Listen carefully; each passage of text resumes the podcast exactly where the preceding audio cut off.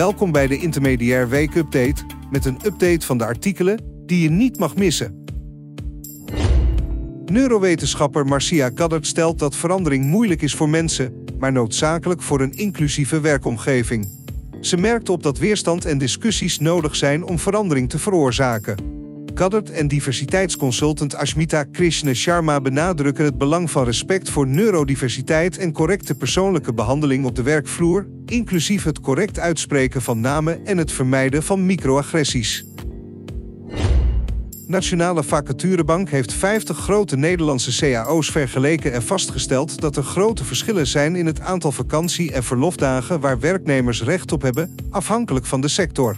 Bijvoorbeeld, werknemers in de retail hebben recht op 24,9 vakantiedagen, terwijl mensen in het onderwijs maar liefst 43 dagen hebben.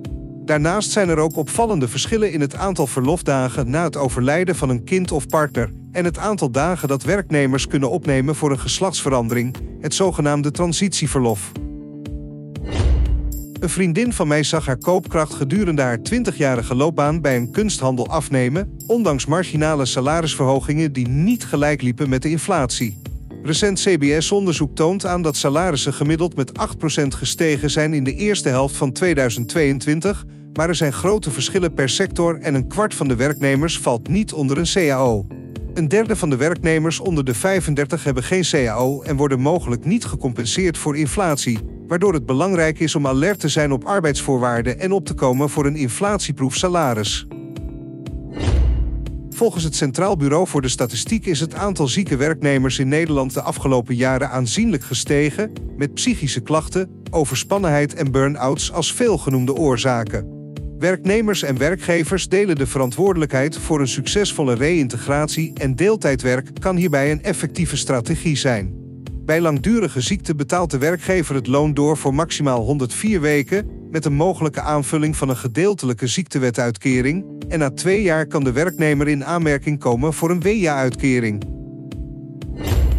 Organisatiepsycholoog Lennart Thoma en personeelsadviseur Jeroen Andreae benadrukken het belang van open feedback in de werkplek, hoewel ze erkennen dat anonieme beoordelingen nuttig kunnen zijn als eerste stap. Ze geloven dat het gesprek dat volgt op de feedback cruciaal is, omdat het de mogelijkheid biedt om nuances te verklaren en misinterpretatie te voorkomen.